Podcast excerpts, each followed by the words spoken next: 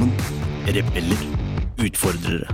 Dere som driver oss fremover og krever mer. Dere som vil gjøre en forskjell. Skape magiske arbeidsplasser med lykkelige mennesker som skaper produkter som kunden deres elsker.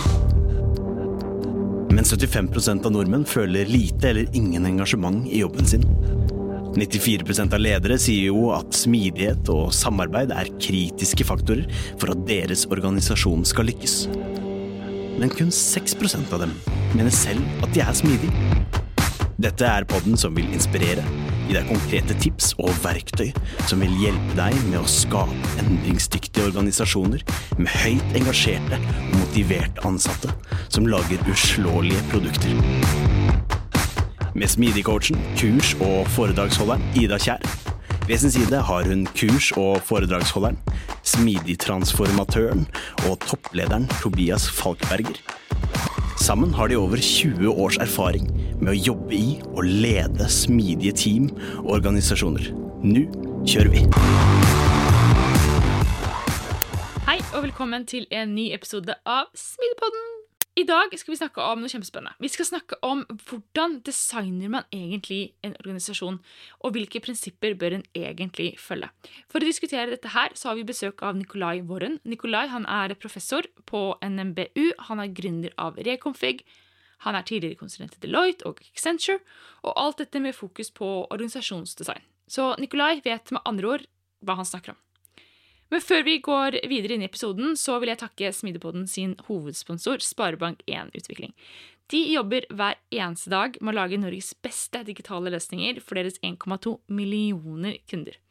Målet deres er å være en meningsfull arbeidsplass for sine ansatte, hvor det er stor grad av eierskap, autonomi og faglig utvikling. Så tilbake til dagens episode. Vi er innom tema som smidige prinsipper og organisasjonsdesign.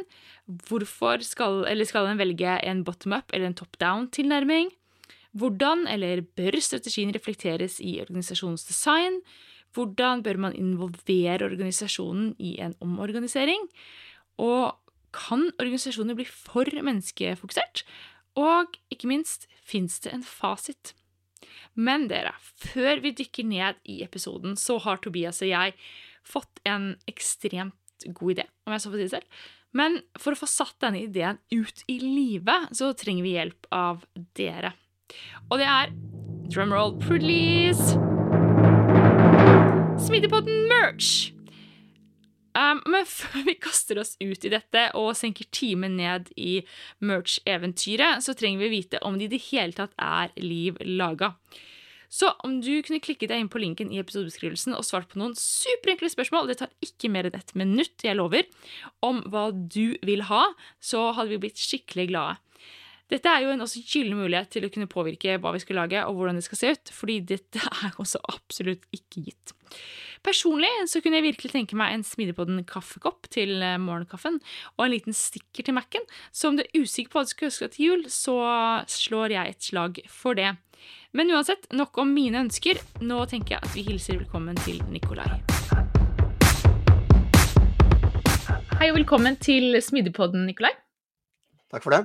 Veldig gøy at du har lyst til å være med oss. Og vi er jo gamle kollegaer. Men nå så har du eh, gått en litt annen eh, vei. Har du lyst til å introdusere deg selv, eller si noen ord om deg selv først? Ja.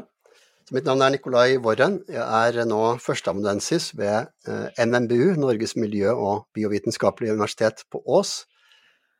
Jeg startet her for syv-åtte år siden. Og da hadde jeg vært i konsulentbransjen i 18 år bl.a. Eh, tre år i Deloitte, hvor vi traff hverandre. Før det så var jeg innom eh, PA Consulting og Accenture. Jeg var internkonsulent i Aker Solutions i tre år også, og hadde mitt eget firma i, i, fire år.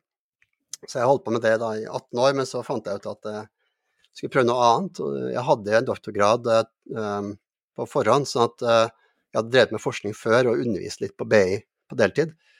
Men da, jeg, jeg, trivdes jo bra som konsulent, det var derfor jeg holdt på med det så lenge. Men jeg hadde også ideer og tanker om eh, forskningsprosjekter og undervisning som jeg kunne igangsette, så derfor så søkte jeg på, på denne stillingen som jeg nå har eh, den gangen. Spennende. Og det var det skal... organisering du drev med som konsulent òg, eller var det helt andre ting? Ja, altså det var det Altså de første par årene når jeg var i Accenture, så var det vel kanskje litt mer generelt, men etter hvert så var det prosjekter da, som hvor i hvert fall reorganisering var en komponent. Da. Det var andre ting vi drev med. så det var mye prosessforbedring på, på 90-tallet da jeg begynte i konsulentbransjen. Men, men, etter hvert så spesialiserte jeg meg på det, for jeg så at her var det liksom et område som jeg syntes var, var spennende og hvor det var behov for, eh, for, bistand, og hvor vi hadde metodikk og kunne utvikle nye metoder osv. Så, videre. så derfor så fokuserte jeg i stadig større grad på det. da. Så de siste årene var det egentlig det eneste jeg gjorde, tror jeg. Så det var, eh, det var den type prosjekter jeg var ute i markedet og, og snakket om og, og, solgte inn og, og bisto klienter med. Hva er det med organisering som trigger deg, da? Altså, liksom, hva er det som har gjort at du syns at det har vært så spennende? ja, Nei, Det er et godt spørsmål. Altså, jeg kan vel si først at jeg kan forstå at folk ikke er interessert i det, og hva kan du si, ikke syns det er noe spennende, eller til og med har et negativt forhold til det. Fordi altså, En opplevelse jeg kan nevne, var jo da jeg begynte i Aker Solutions, så hadde jeg eh, i forbindelse med rekrutteringen hatt samtale med eh, han som den gang var HR-direktør, Jens Jensen. Jens R. Jensen. Og jeg husker at mens vi hadde møte, så kom jo konsernsjefen innom kontoret hans og stilte spørsmål. Så du følte liksom at du var ganske hva skal jeg si, ja, sentralt plassert da i, i Aker Solutions eh, interne nettverk på en eller annen måte. Men, men da jeg etter hvert ble, ble ansatt da, så, som internkonsulent, så, så, ble jeg jo sittende på en helt annen uh, avdeling, skal jeg si, en helt annen etasje. Og, og, og, der var det noen som hadde printet ut et uh, organisasjonskart med Og det var ikke et vanlig organisasjonskart, men de hadde brukt en sånn spesiell skriver som disse ingeniørene har, ikke sant, med sånne, for sånne store ark. For det, det var så kompleks organisasjon med 20 30 000 ansatte og hundrevis av legale enheter osv. Så, videre. så jeg har tatt hver bidige boks var på det kartet. da. Um, så der kunne du se liksom alle, jeg tror jeg hadde 53 forretningsenheter og ja, som sagt hundrevis av legale enheter rundt omkring hele verden. Og når du da liksom starter på konsernsjefen på toppen, så liksom jeg måtte telle 14-15-16 nivåer, for jeg fant meg selv nederst der. ikke sant? Så du, du, ble ikke særlig motivert av det å tenke på at du hadde alle disse nivåene over deg som skulle bestemme uh, over deg. Så, så, det er mange som på en måte forbinder organisasjonsdesign med, med organisasjonskart og hierarki, og det er det jo til en viss grad også, så det er ikke helt, nødvendigvis helt feil oppfatning, det. For det, er, det, er jo, det dreier seg om strukturering og til, til viss grad formalisering, ikke sant. Så vi skal ikke snakke oss bort fra det. Men, men det som gjør, gjør, det til spennende som, eh, som eh, bidragsyter og prosjektmedlem eller, eh, eller ekstern konsulent, rådgiver i den type prosesser, er jo at de er ofte åpne problemstillinger. Altså Her er det ikke en standard Eh, protokoll skal jeg si, for hva vi skal gjøre. Det, det, dreier seg om at vi må finne ut hva er det som denne bedriften eller virksomheten eh, trenger å gjøre. Hvilke utfordringer har den, hvilken type organisering vil passe med den strategien og med de folkene og med de arbeidsprosessene de har. Så Det er sånn sett en, en kreativ eh, problemløsningsprosess, samtidig som det er også mye analyse. Eh, så det, det, var det som jeg tror eh, tiltrakk meg. da. Jeg likte veldig godt den type strategisk rådgivning. Men, eh, men, det er også veldig vanskelig som eh, konsulenter har jobbet på området, fordi, fordi, det er ikke nødvendigvis veldig store prosjekter med hensyn til prosjektteam og sånn, så rent økonomisk for konsulentfirmaene så er det ikke, nødvendigvis ikke sant, denne type rådgivning som gir det største utbyttet, i forhold til større prosjekter hvor du kan kjøre inn mange juniorkonsulenter. Spennende. Men, men, nå driver du egentlig med, med både undervisning og, og, forskning, så det kanskje ta oss litt inn i det, egentlig. Liksom, hva er det ja. Ja. Altså, hva er det du Kan du kanskje si litt mer om hva du gjør der, og, og hva, hvordan man ser på organisering fra et forskningsperspektiv, også litt interessant. Altså, jeg ser det jo fra et, si, et operasjonelt ståsted, så kan jeg se, se det veldig, men liksom, fra forskningsståsted så er det liksom interessant å høre litt hvordan man angriper det, og hvordan man liksom ser på det og liksom klassifiserer det, kanskje? Ja. ja. Du si, jeg sitter med noen bøker i bokhylla her. Her er en fra ja, Dere kan ikke se hvis dere ikke er på video, men uh, jeg har en bok i hånden min her av Herbert Simon, som fikk Nobelprisen i økonomi. Uh, han skrev en bok, han var bare i 20-årene. Uh, så det er Copyright 1945. Den heter Administrative Behavior. så, og, og, før han så hadde du jo Gulick og Ulvik i um, USA på 30-tallet.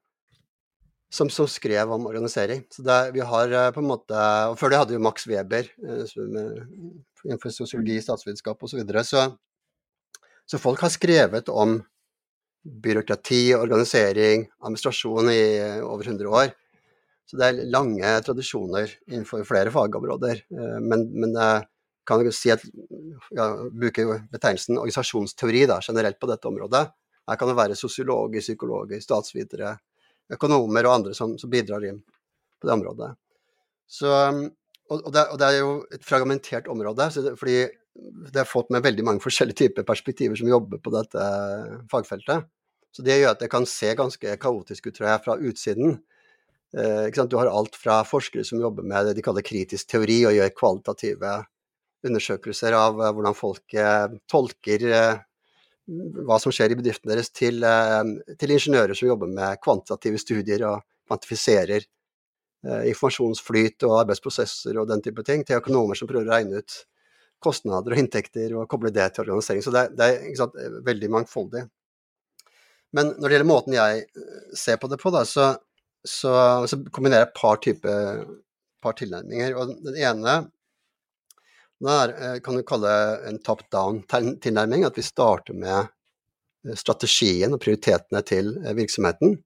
Og så prøver vi å stille spørsmål om som hva, hva må denne virksomheten levere, hva slags funksjoner er det vi må ha på plass, hva slags mål uh, må vi sette, og hva, hva, er det vi skal levere, uh, og, og, hva betyr det for organiseringen? Hvilke roller og enheter må vi da ha for at vi skal kunne nå de målene, eller tilfredsstille de funksjonene, hvis vi, hvis vi skal bruke det uttrykket. Så det, er én tilnærming. En annen er jo mer bottom up. Og da ser du på uh, hvordan folk jobber i arbeidsprosesser. Hvem er det som samarbeider, samhandler, for å utføre en arbeidsoppgave eller, eller uh, uh, gjøre ferdig en leveranse av et eller annet slag. og så prøver du å tilpasse organiseringen til det. Og, og ideelt sett så møtes du på midten, sånn at du får en organisering som både passer med strategier, men, men som også fasiliterer samarbeidet. Ikke sant? Som ikke gjør det verre for folk å faktisk samhandle når de skal jobbe i, i arbeidsprosessene. Så, så, på hver av disse perspektivene kan man bryte det videre ned, for her er det både teorier og, og rammeverk og prinsipper da, som, man kan, uh, som, man kan, se på. Mm. Hva vil du si er de underliggende prinsippene? For... Ja, altså, eh, Det er et spørsmål jeg har stilt meg, da, fordi jeg har jo Altså, man, man kan tenke på organisasjonsdesign på den måten at man kan, man kan um, se på det på en sånn case-basis. Altså hvilken organisering har uh, Hydro, hvilken har Equinor, hvilken har uh, Riks-TV. Um, men, men, det som jeg uh, forsøker nå, som jeg jobber innenfor akademia, da, det er jo å prøve å finne ut om det er noen underliggende prinsipper som er på en måte generaliserbare. Så vi kan lage noen teorier og rammeverk her som vi kan benytte på tvers av uh, ulike typer virksomheter. Og dette kan vi snakke mer om, men, men uh, hvis jeg skal oppsummere det i to, to prinsipper, da, så, så fra, hvis du starter bottom up, så er jo ett prinsipp her at du, at du skal prøve å samle eller samorganisere, for å bruke det uttrykket, folk som har avhengigheter med hverandre i samme team eller enhet. Prinsippet sier at det er dyrere, mer kostbart og mer tungvint å samhandle på tvers av avdelingsgrenser innen en avdeling. Så, så, hvis du klarer å finne ut hvem det er som har avhengigheter mot hverandre, som leverer ting til hverandre, eller som trenger informasjon fra hverandre, eller aksept eller budsjett eller hva det måtte være Hvis du klarer å lage en gruppe, cluster der, eh, som er naturlig gitt i arbeidsoppgavene, så, så, vil koordineringskostnadene gå ned. Så kan du si minimalisering av koordineringskostnader er et prinsipp da, fra, fra, det, fra det ståstedet der. Når det gjelder top down fra, fra strategi, så, så, er det flere prinsipper man kan bruke. Men én uh, ting er jo at vi må uh, Som en foredragsholder sa det, som uh, lyttet til en gang, han sa at hvis du har noe i strategien, så må det være en boks for det på organisasjonskartet. Altså, hvis strategien din er å eksportere til Kina, så må det være en boks som heter Kina et eller annet sted. Og Det var en veldig enkel måte å si det på, men det det går på er på en måte at det må være et visst samsvar mellom strategien. Noen, noen må kunne levere på den strategien. Så det må være eh, noen som har fått ansvar for det, eh, og, og bli fulgt opp på det, og forhåpentligvis noen ressurser og verktøy til å, til å gjøre det. Um, så, så, det er en type spørsmål man da stiller når man går fra strategien og ned til uh, organisering. Når du Dette du sa først med ja, dette du sa først med bottom up-organisering Nå graver jeg bare rett ned. Ja, ja, gjør det. Ja. Dette du sa med bottom up-organisering og det å samorganisere folk som er avhengig av samme team, da, um, da ringer det jo bjeller liksom rundt autonomi, tverrfaglighet osv. Og, så ja. og så har jo Tobias og jeg diskutert mye sånn Men da kan du også risikere å få flere typ, liksom, samme roller da, i en organisasjon, hvis du skal organisere deg på den måten. Hva, tenk, hva, er dine refleksjoner rundt det? Ja, altså det er noen uh, Du kan si um, det, da, da, tror jeg vi må snakke litt om organisasjonsdesignprosessen. Hvordan, hvordan går du fra? Vi kan komme tilbake med detaljer hvis dere ønsker etterpå. Men fordi jeg ser det ikke som uh, min jobb eller på en måte konsulentens jobb å velge prinsipp eller kriterium. Det, det må lederne og de ansatte og interessentene i organisasjonen selv mm. finne ut av. Hva er det de mm. ønsker å organisere etter. ikke sant? Så, mm. så det må være et steg i, i, den prosessen hvor vi kommer fram til noen kriterier. Altså hva er det vi forsøker å fremme her? Mm. Forsøker vi å fremme ja, smidige prosesser, eh, høyere hastighet på det vi gjør? Mm. Skal vi være mer tilpasningsdyktige? Eh, eller skal vi ha mer grundighet, eh, langsiktighet? Skal vi ha spesialisering innenfor fagområder osv. Så, videre. så der må vi ta noen valg ikke sant, om hva det er vi hovedsakelig prioriterer. Mm. Og, basert på de kriteriene så kan sånne som jeg komme og si at ok, da er det kanskje en metode her du kan bruke for å sikre at du når det målet. ikke sant?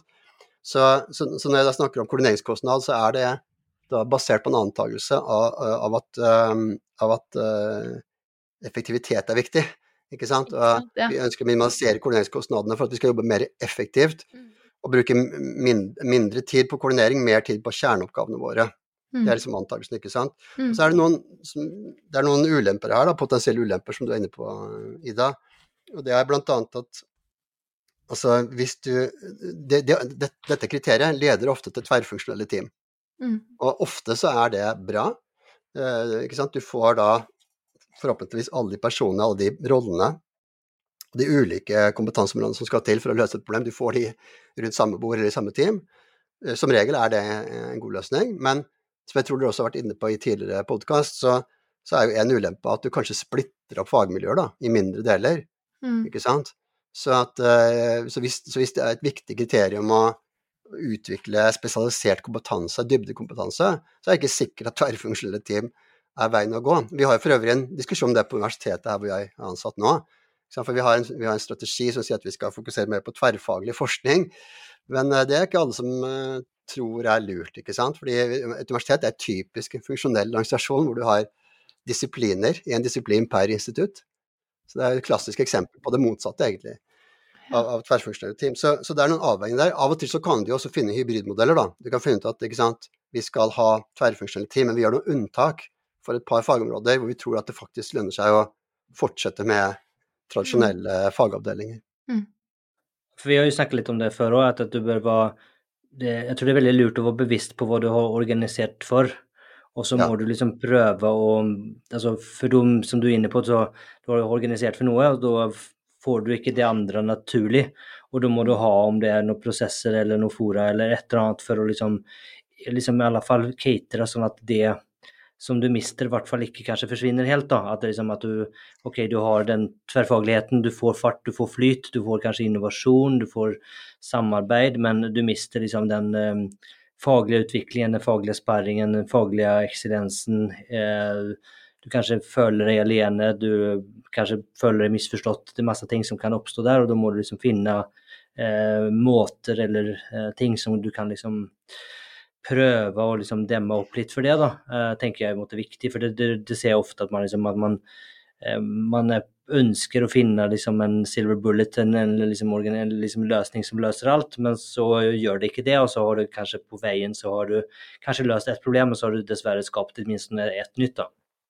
Ja, nei, jeg holder med deg i det. og man kan ofte tenke at liksom man organiserer etter primære det, primære kriteriet. ikke sant? Men så har man en, en dimensjon til som man potensielt kan benytte. Så, så hvis man f.eks. velger tverrfunksjonelle team, eller en, en, variant av det, så kan du, som du er inne på, man kan jo likevel ha noen mer uformelle faggrupper på tvers, eller prøve å kompensere for det at du da kanskje mister litt spesialiseringsmuligheter og slike ting. Så, så det går alltid an å ha en sånn dimensjon nummer to, eh, selv om ikke det den, er den dominerende. da. Men når du ser på organisasjonen, det finnes jo masse tenk, tenker masse avarter av disse to, altså underkategorier. Ja. Ser du på det òg, eller prøver man liksom, liksom hva, prøver du liksom for si, aggregere det opp på disse to overordnede prinsippene? Ja, det er litt ulike måter å tenke på, da, fordi um, når, det, når, jeg snakket om top down versus bottom up, det er jo delvis liksom hvordan man går fram i prosessen. Og så er det litt sånn hvordan jeg har organisert mine prosjekter. Jeg jobber litt fra begge ståsteder. Men, men det, er, det finnes andre måter å se på dette på. Altså vi, det er jo en tilnærming som heter contingency theory på godt norsk, eller dårlig norsk. Kan oversettes som situasjonsbestemt teori, kanskje. Mm. Så, som har en ja, 50-60-70 år tradisjon. Og, og, og, den går ut på det at um, at det ikke fins en optimal modell som høyner på Tobias, men man må forstå betingelsene i, uh, som, som, gjelder. Det kan være strategi, eksterne forhold uh, som bedriften står overfor, som, som man, man, må ta hensyn til. Eller selve teknologien man jobber med. Og, og der har man jo ofte operert med klassifisering av organisasjonsmodeller. Man har sett på slike ting som når skal man bruke en funksjonell struktur, når skal man gå over til en divisjonsbasert struktur, når skal man velge en produktbasert modell, når skal man velge en geografisk modell, osv. Så, så eh, Så den tilnærmingen er veldig godt kjent i akademia, men også vært eh, Og jeg tror den på en måte er nyttig i noen sammenhenger, men, men er også begrenset fordi den stort sett har dreid seg om den overordnede modellen. da. Så det, det, sier ikke så veldig mye om hva slags type geografisk modell eller produktbasert modell, men forsøker å koble dette til ulike strategier, eksempelvis. Så, så, og det finnes jo, som du vet, en masse varianter av organisasjonsmodeller. Eh, men, men eh, det jeg har tenkt sånn sett, er jo at, eh, at det er kanskje viktigere å bruke noen prinsipper, for selve organisasjonsmodellen bør egentlig skreddersys, etter min mening, da, de, de, kravene som gjelder for bedriften. ikke sant? Så jeg er litt skeptisk når folk kan si, starter en sånn prosess med en uh, ferdig modell eller noe de har sett at andre har. Det, er veldig fint å bli inspirert av andre, det, men, men, det er liksom ikke nødvendigvis svaret for oss. ikke mm. sant? Vi, noe av jobben er å finne ut hvordan dette skal se ut gitt de spesifikke kravene som gjelder for oss. da. Jeg synes det er Dere veldig... som ikke ser det her på video, men bare på lyd, så kan man se både jeg og Ida sitter og smiler her. Så liksom... vi har jo diskutert det før om um, at vi har ikke noe tro på at du kan liksom, hva si, eh, implementere en Spotify-modell eller kjøpe et rammeverk fra USA, og så er det det du bare plastrer på organisasjonen din, og så har det måttet løst alle, alle problemer. Liksom. Det er um, Dessverre, kanskje man kan si, da, så, så tror vi ikke at det fungerer. Akkurat det jeg skulle si, Tobias. Ja, ja, ja. ja. Nei, altså det, er, det, det, er noe jeg av og til diskuterer med folk, fordi du har jo disse eh, trendene og konseptene som, mm. Eh, som, markedsføres. Og det er jo en del positivt med det også, bl.a. denne podkasten vi er på nå, er jo på en måte, på en måte sånn tematisk eh, koblet til eh, agile-bevegelsen, mm. ikke sant? Absolutt. Og, så, sånn det, det, positive er jo at man i hvert fall til en viss grad får et felles ordforråd og begreper og um, vet sånn noenlunde hva det er man snakker om. og og har noen felles uh, referanserammer. Og, og, kan bli inspirert ikke sant, av, uh, av det andre gjør. Jeg har jo selv en gang eh, brukt disse videoene fra Spotify i undervisningen. Jeg syns de var kjempefine, de som har gått sin seiersgang verden rundt. Men, men, men, men, som du sier, Tobias, så en ting er liksom å bli inspirert, og det er bra, men en annen ting er når hvis du tar det som en, en oppskrift, ikke sant, og, mm. og, og, og tror at nå er svaret allerede her. For det, og det, det skjer dessverre eh, litt for ofte. Da. Det, for noen uker siden så var jeg i, i, Berlin på en konferanse, og der var det en, en konsulent som, som la fram eh, et, et, case om akkurat dette. Da. For han, han, hadde blitt bedt om å eh, bidra i et um, selskap som um, produserer heiser. Og dette selskapet hadde da kjøpt denne pakken fra et kjent konsulentfirma som jeg skal, ikke skal gi navnet på, som hadde solgt uh, Agile Transformation. Ja. Og så, så fortalte han hvordan dette gikk, da, og hvorfor han ble bedt om å rydde opp etterpå. Det var jo at uh, Han sa det som så, liksom at hvis du står i en heis i en skyskraper på vei ned, så, så vil jo helst ikke bli fortalt at, uh, at denne heisen ble laget av noen som lagde liksom den enkleste brukbare prototypen på, et produkt i en smidig og rask prosess.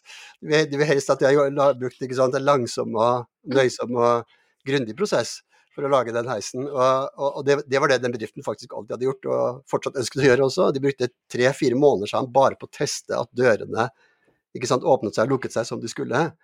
Eh, så det var liksom fullstendig inkompatibelt med en, en, eh, en hurtig sånn produktutviklingsprosess. Da, og, burde sannsynligvis ikke bruke det heller. Så, så, så det, dette illustrerer på en måte at uh, vi må tenke litt på uh, hva slags type um, teknologi det er vi har.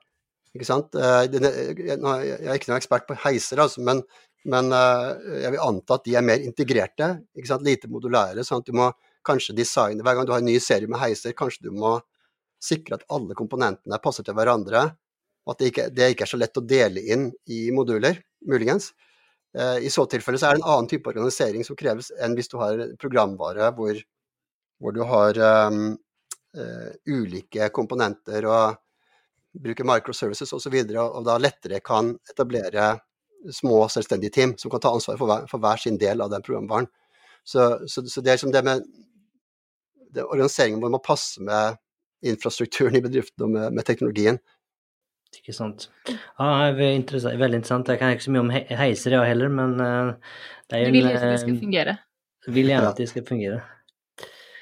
Good. Um, for det, vi har kanskje litt vært, vært inne på det, men, men um, for, for, det finnes jo liksom Jeg opplever uh, at det kanskje er en, en, fin måte å se på det med organisering, er å kanskje se på det liksom nesten som litt uh, dilemmaer, da, eller dilemmaer. At det liksom er At du må kanskje være bevisst over at du, du, velger noe. Altså, enten har du for store team, eller så har du for mange team. Eh, enten så har du måtte, full ressursutnyttelse, eller så har du kanskje mer fokus på flyt og fart, og at liksom, du må uh, ha de, de trade-offsene der. Hvordan opplever du kanskje tilbake til når du var konsulent? Altså, det er jo en, kanskje en, en, en, kjip melding å bringe. da. Føler du at du har liksom, historisk sett fått forståelse for at det, det ikke finnes en, en eh, liksom, løsning som løser alle problemene til de selskapene du har vært inne hos? Altså det føler jeg at man får i større grad. Altså, jeg, jeg begynte som konsulent uh, på 90-tallet, som jeg nevnte. Jeg begynner å bli, bli gammel. Så, uh, og jeg har sett en ganske stor utvikling over tid. For den gangen så, så var endringsledelse og mer systematisk uh, prosjektledelse og sånn var liksom litt nytt, ikke sant. Jeg føler at det er blitt mer, litt mer standard nå. At man aksepterer at man må ha eh, et visst beslutningsgrunnlag og må, må sette av litt tid til dette. Men det kan fortsatt bli bedre, og det finnes fortsatt mange eksempler som jeg har sett selv og blir fortalt om, hvor, hvor, det, er, hvor det er kortslutninger i disse beslutningsprosessene. Men, men, um, men, i hvert fall de jeg jobbet med, hadde en, en, en ganske god forståelse for det.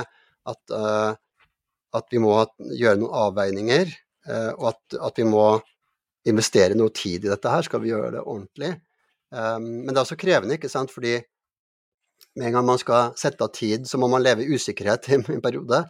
Og ansatte er ofte urolige, fordi organisering er ofte et liksom betent tema. Så det er en sånn sterk psykologisk tendens til å ønske å konkludere så raskt som mulig. Så som da, da, jeg var konsulent, så følte jeg at det var en viktig oppgave for meg å, å holde litt igjen her. ikke sant, Og si at dette her løser seg, men vi må bare leve med den usikkerheten noen uker eller måneder.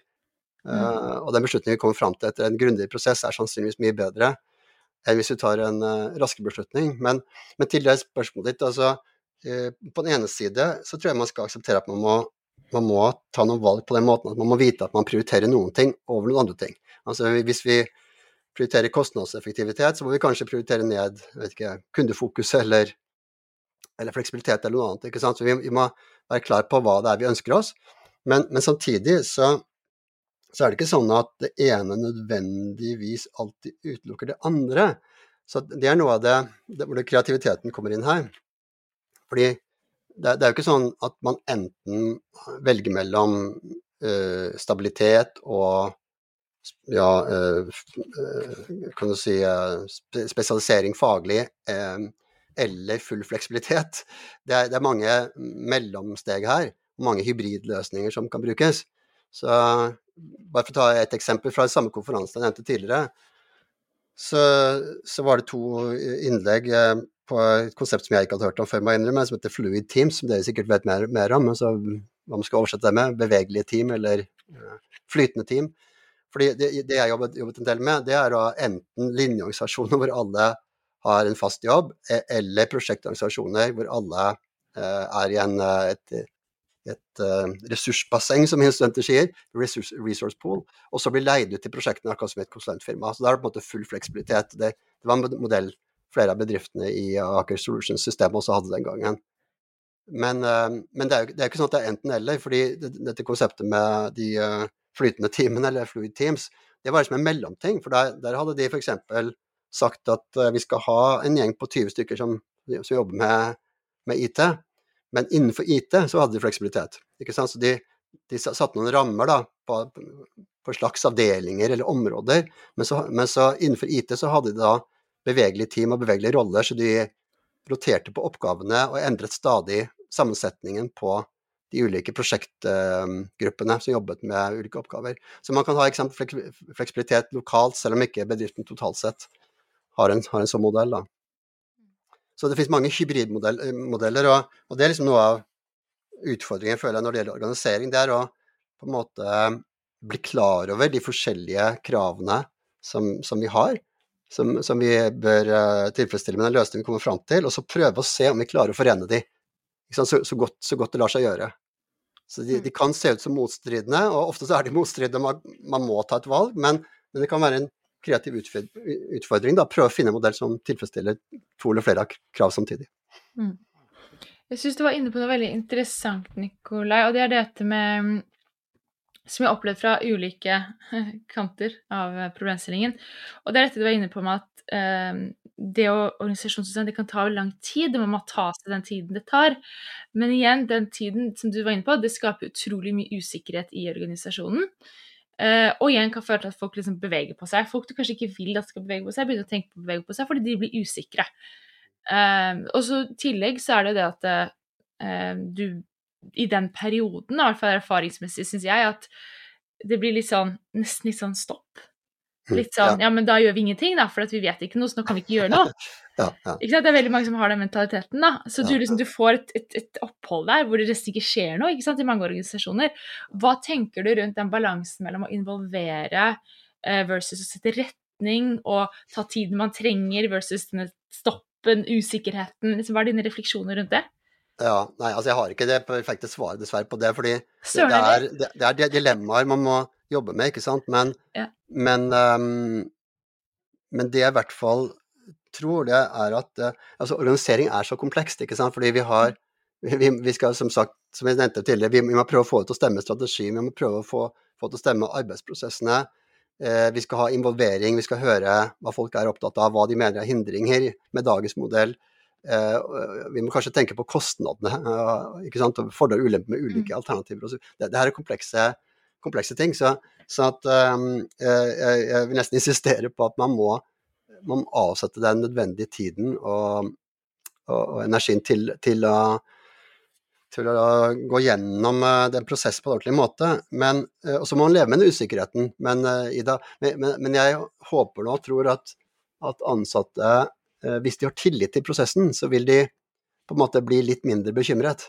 Ikke mm. sant? Og vi også se at det her, det her, skjer på en systematisk måte, og jeg har tillit til at eh, de som jeg gir innspill til, faktisk lytter til innspillene og gjør noe med dem, og jeg har mulighet til å si hva jeg mener, eh, ikke sant? Eller, eller, jeg mener at min avdelings eh, interesse blir ivaretatt, hva det måtte være, som gjør at mm. man, at man, at man har en, en, god prosess, da, at, at, det vil mm. hjelpe der.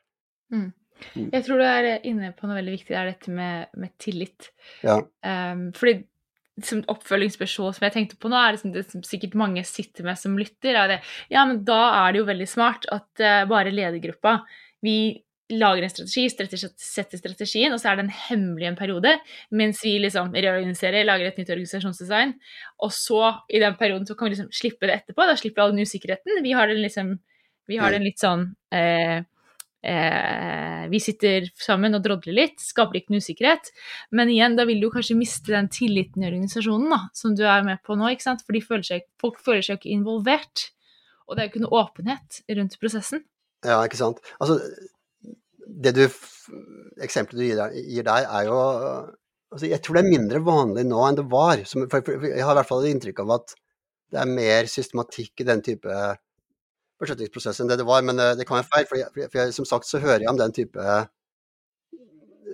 sant, eh, forløp som du beskriver her, hvor mm. typisk i Norge da, er det at lederen av en eller annen grunn går på hytta, eller sitter på hytta og tegner organisasjonskart og kommer i 2. januar og, og henger på veggen og sier at sånn skal det være. Og, og det, det, altså det, er jo uheldig av flere grunner. Altså, en, er jo at, en er jo at den lederen, uansett hvor smart hund han er, har ikke full oversikt over organisasjonen og, og, sitter bare ikke på den kunnskapen som mm. skal til for å si hva slags organisasjonskart som passer med måten vi jobber på. Vi vet kanskje hva som foregår ett hakk mm. ned, men hva med fire hakk ned?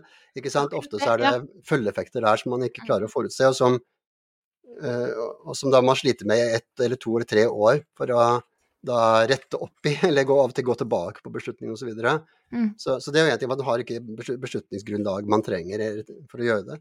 Men det andre er det, det du nevnte med at det skal være hemmelig, det har jeg også observert mange ganger. Mm.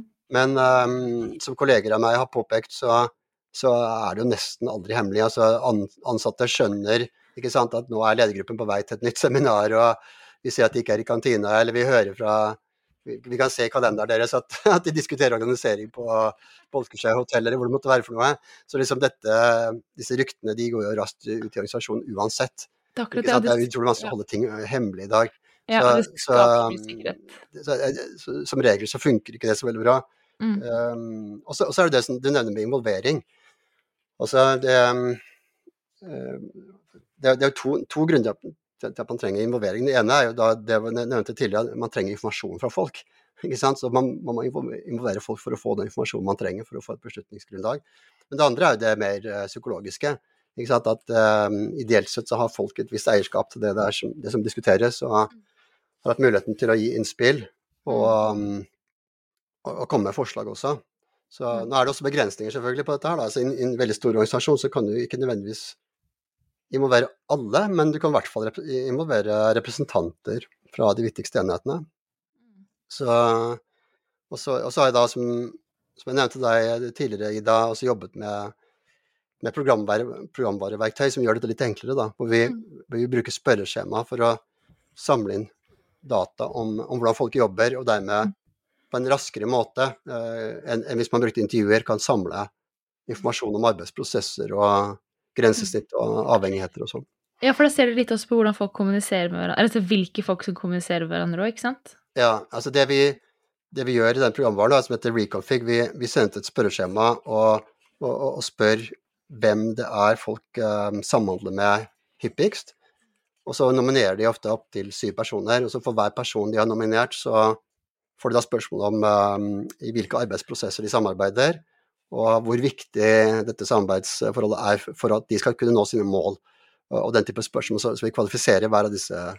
Eh, interaksjonene litt. Og så uh, får vi da visualisert det uh, på, på, skjermen, og, og, kan også da ta det som utgangspunkt da, når man vurderer alternative organisasjonsmodeller. For da kan man se på om det er andre grupperinger som vil uh, gi mer mening. Uh, da spesielt med hensyn til koordineringskostnaden, for å samle de som samhandler mest. Mm. Så det er en form for simulering, på en måte? Ja. Det, er, det, vi, vi, vi vet det kan også brukes til simulering på den måten at mm. det, det har en algoritme, så det kan foreslå en, en ny gruppering. Mm. Den um, betrakter vi i dag som på en måte veiledende, for det vil alltid være noen lokale krav som går på tvers. altså En algoritme tar ikke hensyn til all, all informasjon, men, men den funker bra i noen tilfeller. Og, og den, det viser også hva som kan være mulig i framtiden, når vi sant, mm. får en mer, uh, mer avansert uh, algoritme. Men allerede nå så, så, vil den i mange tilfeller foreslå uh, gode løsninger som man da kan tilpasse videre selv. For det er jo interessant, for jeg tenker at altså, um, en måte Det er kanskje ikke en organisasjonsform, men det er i hvert fall som jeg opplever er veldig Kanskje ikke bare skandinavisk, men det er kanskje generelt dette der man liksom vi har en, et ønske om at vi skal samhandle oss ut av problemer. Eh, og at man liksom, vi, vi, så lenge vi hadde her liksom, vi, vi, trenger å snakke sammen, ja, men vi setter opp et fast møte. Eller vi må, liksom, vi må ha et koordineringsmøte. Vi er liksom veldig sånn eh, Samhandling er på noe vis som en sånn her eh, gyllen løsning på de fleste problemer. Hadde vi bare samhandlet bedre, hadde vi liksom hatt mer tid sammen. Det er ofte liksom sånne ting man kan, liksom, kan snakke opp. Ja. Vi hørte på boken av biografien med Jeff Bezos, uh, Tobias, var det ikke han som sa at samhand, samarbeid er tegn på en dysfunksjonell organisasjon? Var det ikke det han sa? Ja, ja. Det, det, husker jeg ikke, men, faktisk, men, men det kan, kan, godt være. Altså, det er jo, ja. Og at det finnes andre måter å, å, løse avhengigheter på, da. Ja, ikke sant. Ja, altså, jeg har også vært uh, litt skeptisk til uh, norsk kultur der. Min, min, kone er uh, utenlandsk. da det, Et av de første ordene hun lærte på norsk, det, det var samarbeid. liksom, så det ligger veldig det vil liksom i kjernen av vår norske kultur. Ja, men det er dugnadsånden, ikke sant? Vi skulle ja. jobbe sammen om å gjøre Ja, ja. Og det, det, er veldig mye bra med det. Altså, jeg husker jo Det var jo um, forskere på 80-tallet som så på hvorfor Norge hadde vært så så flinke og så suksessrike med hensyn til oljeprosjekter, altså prosjekter i oljesektoren. ikke sant? Og det, for da hadde vi jo ja, Vi har jo fortsatt svære prosjekter med hundrevis av ingeniører og, og de pekte på det, liksom, kulturen vår med hensyn til samarbeid, som fikk disse prosjektene til å rulle og gå på, på en veldig bra måte. Så det, det er jo masse fordeler med, mm, med effektivt samarbeid. Men det er klart, um, det kan overdrives, og det, og det, det kan bli sant, igjen en oppskrift uh, hvor liksom det er løsningen i seg selv. Men det er ikke noe poeng å samarbeide mest mulig, eller kommunisere mest mulig, eller samhandle mest mulig. Det er, det er jo på en måte et tiltak. ikke sant? Det, det, det vi skal oppnå, er eh, forhåpentligvis noe annet. Sånn at, um, og, og, og, det vi også legger til grunn da, for det verktøyet jeg nevnte, og som også var basert på, på teori, er jo at, at, det er ikke gratis. Det er derfor vi kaller det koordineringskostnad. ikke sant? Det er, eh, hvis du sitter i et møte, uh, så tar, det ofte tid fra dine kjerneoppgaver. Så det er mange som jeg jobbet sammen med, som måtte gjøre den egentlige jobben sin på kvelden. fordi det de var i møte fra 8 til 16, så, og så var det liksom tid på kvelden for å gjøre deres egne oppgaver. Så, mm, så, så på en måte kan man dele inn eh, arbeidsdagen i koordinering og kjerneoppgaver. Og, og, hvis man skal ha opp produktiviteten, så må man kanskje se på, se på denne brøken her, da, spesielt hvis eh, du bruker mer enn 50 av tida di på, på koordinering og ikke på, på kjerneoppgaver. Så, mm, men igjen, det kommer, på, det kommer, selvfølgelig an på hva behovet er. Altså, mm. Eh, så da må vi se på arbeidsprosessen og hva slags eh, avhengigheter det er som utløser det mm, samhandlingsbehovet, da. Ja, for du har skrevet, eh, kanskje forsket på, på mer på, på, separasjon, da, at det også liksom er kanskje noe man bør være Altså at si, gruppering, koordinering er måtte, si, et, en løsning, men kanskje bevisst forhold til separasjon òg er, er, kanskje noe man burde ha mer bevisst forhold til. Kunne du sagt litt om det?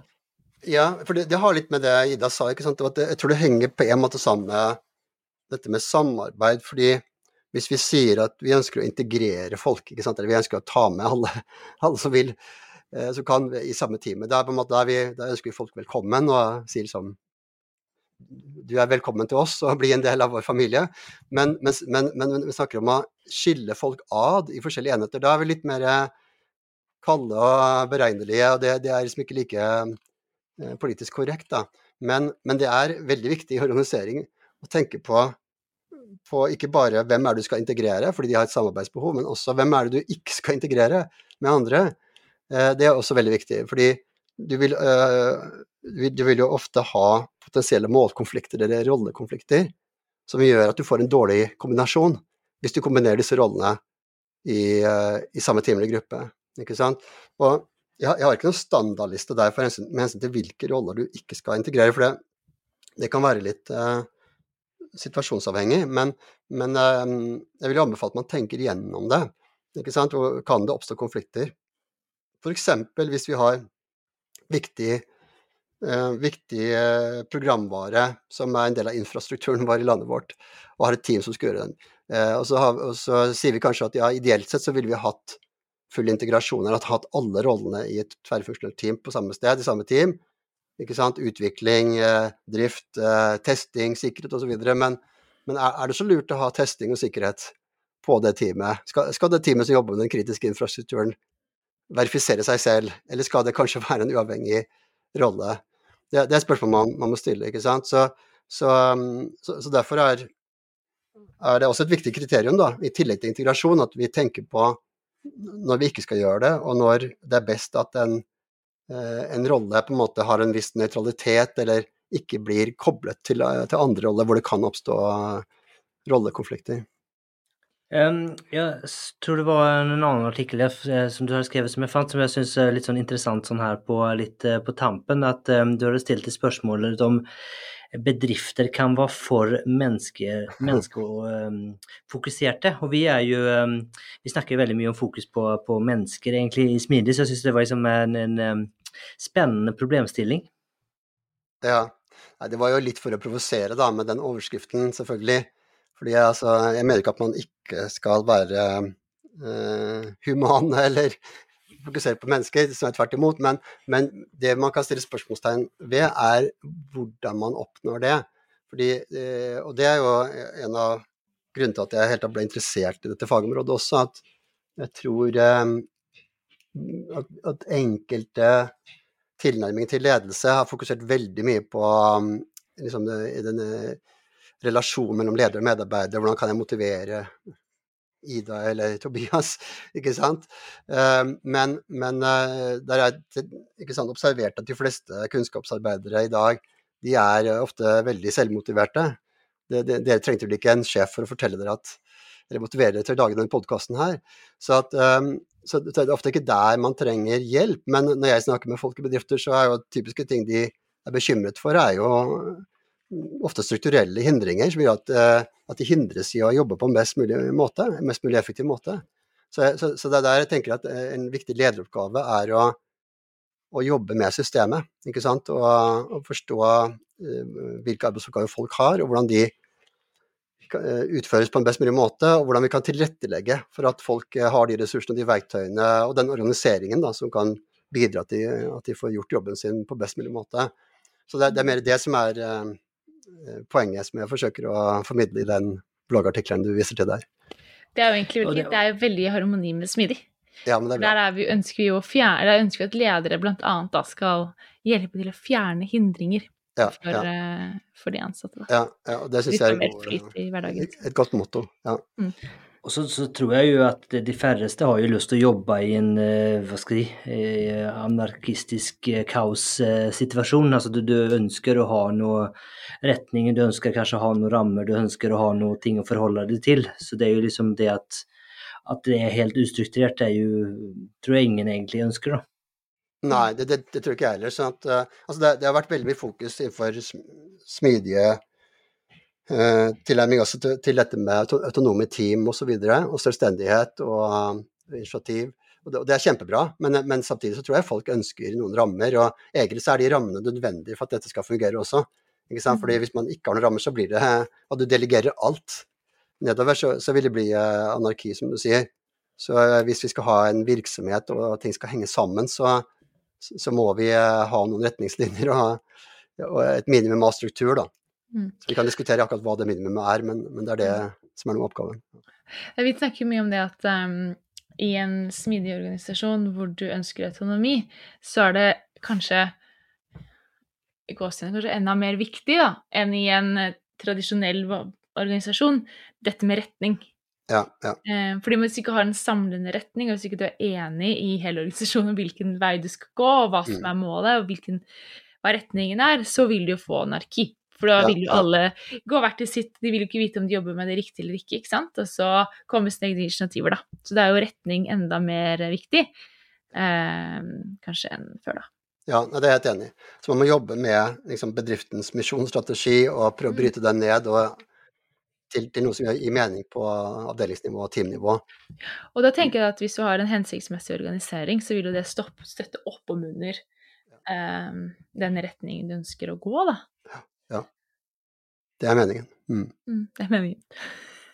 Jeg ser tiden eh, løper fra oss som vanlig, Ida. Har du noen siste spørsmål før vi eh, begynner å runde av? Ja, jeg har egentlig to, og det ene er veldig stort. Ok. Oi. Og det, Kjør på.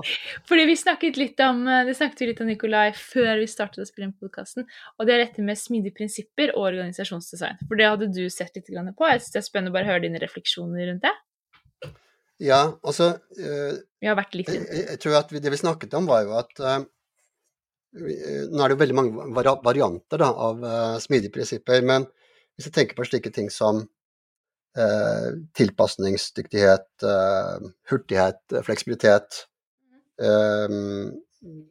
eksperimentering, improvisering, delegering av ansvar, selvstendighet i team osv., så, så så, så føler jeg liksom at smidig prinsippet er en pakke som, eh, som er sammensatt av bestanddeler som vi har um, visst om i, i mange tiår. Ikke sant? Men, det, men det er satt sammen i, i en litt ny pakke. Men, men f.eks. dette med um, autonome team det, har det vært forskning på i hvert fall 30 år. Ikke sant? Så det er ikke noe, det er ikke noe nytt fenomen sånn sett innenfor organisasjonsteori. Men jeg er enig i at, at man innenfor uh, agile-bevegelsen har klart å på en måte pakke det inn på en attraktiv måte, da. Ikke sant? Det, så, så, men, men det blir også av og til litt trist da, ved, at, ved at jeg opp, opp, opplever at folk på en måte um, gjenoppdager ting som vi visste fra før. Og, og det, det, er masse informasjonsteori jeg tror vi kunne benyttet ikke sant, for å få dette til å fungere enda bedre, men som ikke blir benyttet. For folk vet kanskje ikke at det er der engang. Og fordi de som, um, de som jobber med agile, de de, de, kommer ofte fra konsulentfirmaer og andre steder hvor man har markedsføringskanaler og ja, pakker ting på en, inn på en elegant måte. Da. Mm. Så, men, men ta, ta f.eks. dette med skalering av uh, smidige prinsipper. Det, jeg tror det er mye informasjonsteori der som kan brukes for å forstå litt hva, hva mulighetene og begrensningene er. Mm. For å skalere det, disse tingene opp. ikke sant? For det, det, det finnes masse forskning på, på, ja, på prinsipper som kan som kan gjelde der. Så, og også med både begrensninger og, og, fordeler med delegering. Altså når skal man delegere, når skal man sentralisere en beslutning? Det er også noe vi, vi har sett på, på lenge. Så, så, jeg, så, jeg, håper jo at, at uh, organisasjonsteori over, over, tid også kan bidra til uh, smidige prinsipper, da. Uh, og, og, dermed bidra til at, at dette blir enda mer effektivt. Mm. Det er litt morsomt du sier det, at dette er ikke nye, altså dette er ikke nye prinsipper, det er ikke noe sånn helt uh, revolusjonerende ny forskning som tilsier dette her. Fordi jeg hørte på en uh, podkast med Brené Brown, uh, hvor hun har Simon Sinek blant annet på besøk, og da, da, snakker de om akkurat det her, at man ser jo faktisk at det, måtte, prinsippene, verdiene bak smidig, det tok veldig av i liksom starten på jeg tror det var på 1900-tallet, og så mm. måtte dalte det litt grann igjen. Og så liksom kom det opp igjen på var det sånn 70-80-tallet eller noe, og så er det liksom da tilbake igjen. Og nå ser man liksom på nytt at det liksom begynner å, å komme tilbake, da. Ja. Jeg syns det perspektivet er ganske interessant, hvordan det har gått litt i sånne bølger, da. Ja. Eh, hvor det har blitt litt sånn hypa, men at man nå ser at det kanskje har blitt enda mer på en måte populært, da, i gåsehud. At det kanskje får feste litt mer nå enn det det har gjort før, da. Ja, ja. Um, kan det være at man har lært noe på veien nå, da? Forhåpentligvis. At man innarbeider det i det man gjør nå. Forhåpentligvis. Men spennende. Men mitt siste spørsmål, da, mm. eh, det er jo um, hvordan unngår man eh, Eller hva er vanlige feil når man omorganiserer, og hvordan skal man unngå de? Ja, altså jeg tror vi har vært inne på det, for jeg, jeg tror en del har med selve prosessen å gjøre. Mm. At man sant, Det er en vanlig feil å bestemme seg for raskt, eller mm. å ha løsningen før du vet hva spørsmålet er, på en måte. Så det er, det er noe her med å, med å, forstå den kompleksiteten som, som, er der, ikke sant, og, og da dedikere tilstrekkelig med tid og, og, og kapasitet til å, til å utrede litt hva muligheten er, tenke på mer enn ett alternativ og, og, samle inn den informasjonen man trenger for å ta et valg. Det tror jeg kanskje er det aller viktigste. Og det at man setter av tilstrekkelig tid med tid, betyr jo også at man får større mulighet til å, til å involvere folk og, og, teste ulike antakelser før man, før man tar en beslutning. For når man, når man, først har tatt en beslutning, så er det vanskelig å gå tilbake. For da, da kan folk forsvinne som ikke ser nye muligheter i det nye organisasjonskartet. Og, og det er store kostnader knyttet til selve endringen også. Så det er, det er ganske høy risiko knyttet til en re reorganisering. Mm. Så, Derfor så, så, oppfordrer jeg alltid folk til å ta det, det alvorlig. Og jeg, jeg, tror det, jeg, tror ikke det, nødvendigvis uh, gjør at man uh, kommer senere i mål. fordi det vi snakker om her, er, er, ikke at hele prosessen skal ta lengre tid, men vi skal sette av tilstrekkelig tid til uh, å vurdere mulighetene og, og, forstå hvordan vi er organisert i dag. og forstå hvilke strategier og mål vi må ta utgangspunkt i. Men min påstand er at hvis vi setter av tid til det, så vil implementeringen gå mye raskere. Så vi kommer faktisk før i mål. Vi, hvis, vi, hvis, vi, måler tiden fra vi starter prosessen til vi realiserer intensjonen vår, så, så er den kortere som regel, vil jeg, vil jeg påstå, med en grundigere prosess enn med en mer overfladisk prosess, som ofte vil kreve at vi uh, omarbeider og, og, gjør ting om, og må gjøre mange, mange tilpasninger når vi holder på med implementeringen. Spennende. Skal vi ta og uh, runde av med de fem siste, Ida? Ja. Vi gjør det. All right. Hva ville du fortalt 20 år gamle deg selv? jeg tror det er lei, men det er nesten 30 år siden. Altså, jeg syns det var et um, vanskelig spørsmål. Jeg vet ikke om jeg klarer å svare på det, men altså, jeg har jo fem barn. De to eldste er jo omtrent 20 eh, år.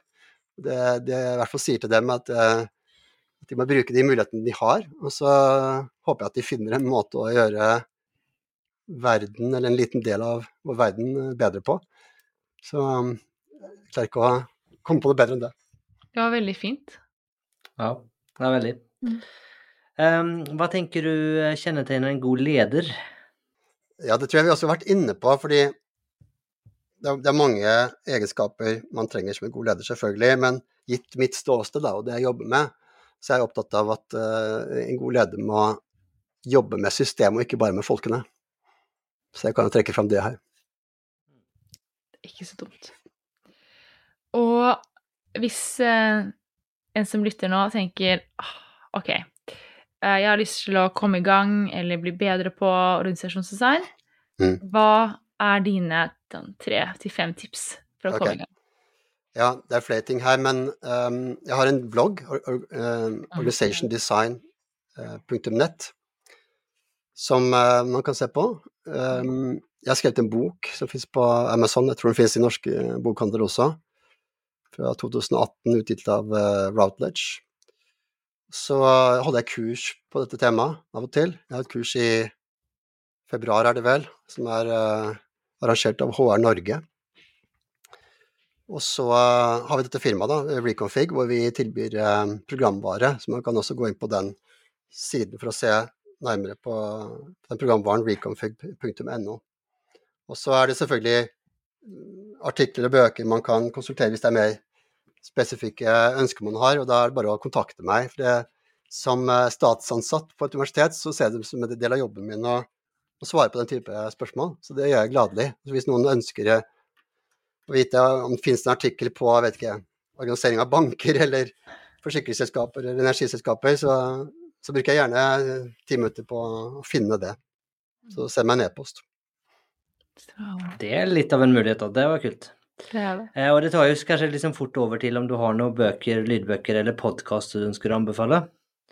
Ja, altså ikke på dette temaet, tror jeg. Altså, dere spurte meg om dette her tidligere, og jeg listet opp tre bøker, men de, ingen av de har noe med dette fagområdet å gjøre, så det er kanskje ulovlig å, å nevne de. Men, Nei, det, er, det, er, jo veldig lov, og så er vi jo liksom, det er jo snart jul òg, så liksom, hvis det, det kan jo være julegavetips, da.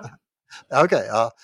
For, eh, eh, tilfeldigvis så satte jeg meg ned her en dag og så tenkte litt på de bøkene jeg har lest de siste par årene. For jeg, jeg så at folk på LinkedIn legger ut eh, meldinger om uh, bøker de har lest osv. Jeg har aldri gjort det, da, men hvis jeg skulle gjøre det, så, tenkte jeg på at uh, disse tre er uh, de jeg syns er best. Da. Og det, den første den heter 'Checklist Manifesto' av Atul Gawande. Og Den boka var så imponerende fordi han skriver altså om et tilsynelatende traurig og trist tema, nemlig sjekklister. Og så klarer han å gjøre det på en så spennende måte at jeg, jeg klarte ikke å legge boka fra meg. Jeg måtte bare lese neste kapittel. fordi det er så, eh, så spennende å vite hva som skjedde, for han har testet ut ulike former for sjekklister. Og, og, og, du ser at dette er ikke et kjedelig tema, dette er liv og død, da, for han er jo kirurg. Ikke sant? så uh, en god sjekkliste her kan uh, bety uh, en sykehustabbe eller, eller ikke. Så, så, det var en imponerende bok, syns jeg. Um, kort og grei. Og så leste jeg i forbindelse med, med krigen, The Road to Unfreedom av Tim Snyder, som jeg syns var helt fantastisk. Og spesielt når du tenker på at den var skrevet uh, før krigen, og så klarer han å forutsi mer eller mindre det som skjer i år. Og forklare hele bakgrunnen, som er veldig skremmende. Så den uh, anbefaler jeg veldig. Og så En annen som jeg leser akkurat nå, er 'Upheaval' av uh, Jared Diamond. Som jeg syns er utrolig imponerende. Han skriver om hvordan nasjoner håndterer kriser. Så han har f.eks. et uh, spennende kapittel om, om, Finland. Hvordan de håndterte vinterkrigen da, mot, uh, mot uh, Sovjetunionen. Og igjen, så ligner det veldig på Ukraina. Mm. Så du får liksom assosiasjoner der når du leser det. Og generelt en utrolig imponerende bok med hensyn til dybden og all den kunnskapen han har. Da. Så på mitt område så, så vil jeg jo kanskje jeg har også lest noe ganske nylig i boka av Foss og Klein på, som heter Why Managers Matter. Så Det er en diskusjon av dette, med, dette, med, flate organisasjoner og om det fortsatt er behov for ledere i moderne organisasjoner. Så, det, så den uh, går gjennom mye av faglitteraturen på dette området. Det kan være av interesse for noen. Spennende. Det er jo et tema som vi snakker en del om i dag, så det kanskje er uh, kanskje noen ting vi skulle tatt oss på. Det kan det være. Yes. Ja, det... Siste, siste spørsmål er jo Du har jo for så vidt allerede sagt det, men liksom, hvis man vil ha komme i kontakt med deg, høre mer av deg, fra deg, lese om deg, ting fra deg, hvor, eh, hvor går man?